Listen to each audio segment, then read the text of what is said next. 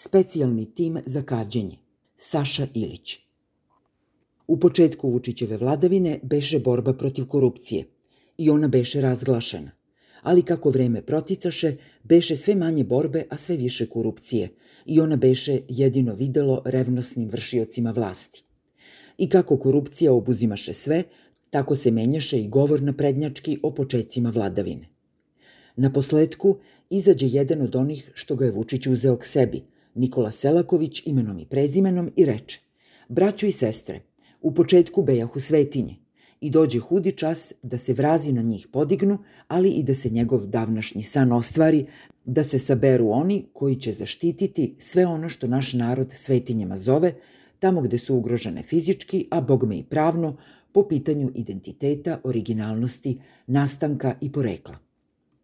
Ovako bi nekako trebalo da glasi vest koja je objavljena paralelno sa informacijama o formiranju lokalnih vlasti, ali i licitaciji oko premijerskog i ministarskih mesta u novoj vladi Srbije. Ova vest, međutim, vezana je isključivo za prošireno polje delovanja Nikole Selakovića, generalnog sekretara predsednika Republike, jer u opisu njegovog radnog mesta zapravo stoji da on, pod jedan, upravlja generalnim sekretarijatom predsednika Republike,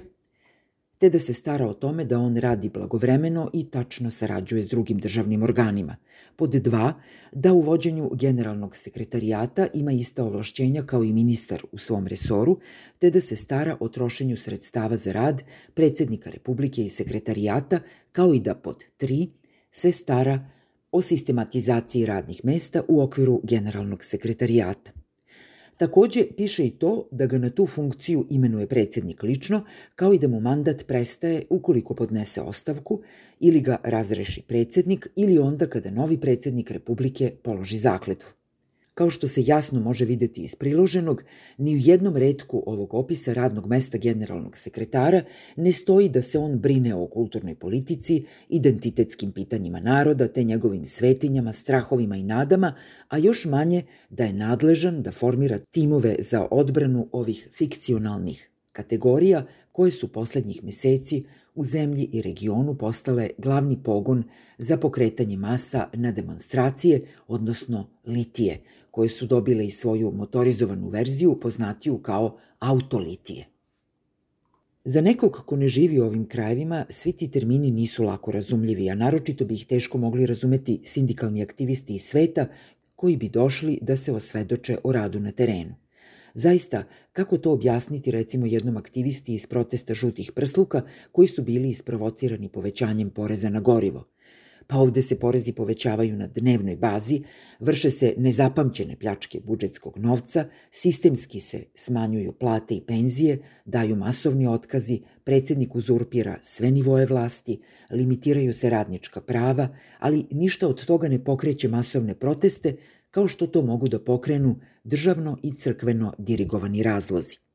Dakle, sve je prihvatljivo, samo nije ono što vlast plasira kao neprihvatljivo, a to je ovoga puta ugrožavanje svetinja, dakle udar na sam identitet, kako je to plastično opisao gensek predsednika Republike.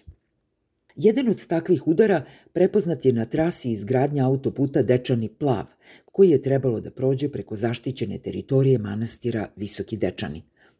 Bio je to dovoljan razlog za duboka promišljanja na Andrićevom vencu, odakle se izašlo sa idejom o formiranju specijalnog tima za odbranu svetinja. Ništa sofisticiranije nisu Vučić i Selaković uspeli da osmisle od ovog odbrambenog tela koje bi trebalo da se formira odmah nakon konstituisanja vlade, a koje bi činili predstavnici SPC, vladajućeg političkog establishmenta, kao i raznih stručnjaka po pozivu, jer nije svaka svetinja ista – Ova ideja, inače predstavljena kao davnašnji Vučićev san, lansirana je u medijima kao spasonosno rešenje za nagomilane probleme oko srpskih svetinja diljem srpskog kulturnog prostora.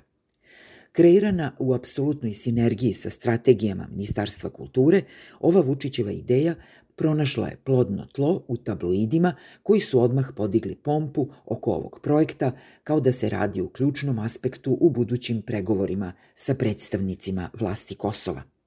S druge strane, Sava Janjić, iguman manastira Visoki Dečani, pomislio je da se tu ne radi ni u kakvom udaru na srpske svetinje, pa je ponudio racionalno rešenje o izgradnji obilaznice oko specijalne zaštićene zone manastira Visoki Dečani, rešenje s kojim se 2014. saglasio i tadašnji premijer Kosova Hašim Tači. Ovakav pristup rešavanju problema, međutim, apsolutno je stran Vučiću i njegovoj administraciji, što su oni demonstrirali toliko puta do sada –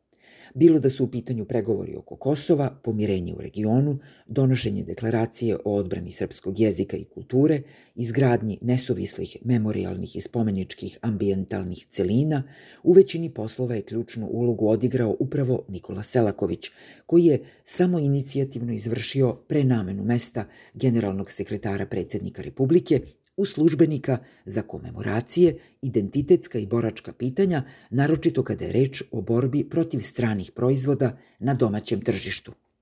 Ideja o formiranju tela kao što je specijalan tim za odbranu svetinja nije nova. Bilo je mnogo takvih timova nakon jeseni 1986. kada se odlazilo na stratišta iz drugog svetskog rata i sa tih mesta se proizvodio diskurs nacionalističkog resantimana, Ovoga puta su tu svetinje koje treba da posluže kao kohezivni element u sprovođenju jedne neuspešne politike, koja za poslednjih osam godina nije postigla ništa na poboljšanju odnosa u regionu, već je naprotiv samo doprinosila pojačanju tenzija.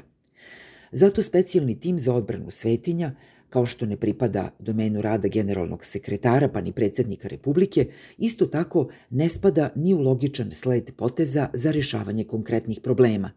bilo da se radi o infrastrukturnim ili pitanjima zaštite kulturnih spomenika – On je samo još jedan propagandni oblak koji treba da sakrije neuspehe Vučićeve kosovske politike, kao što Selakovićev prostački spomenik Stefanu Nemanji treba da skrene pažnju sa nezavršene železničke stanice Prokop, iz koje i dalje štrče zarđali šipovi, kao dokaz o žilavosti korupcije, jedine istinske svetinje vlasti.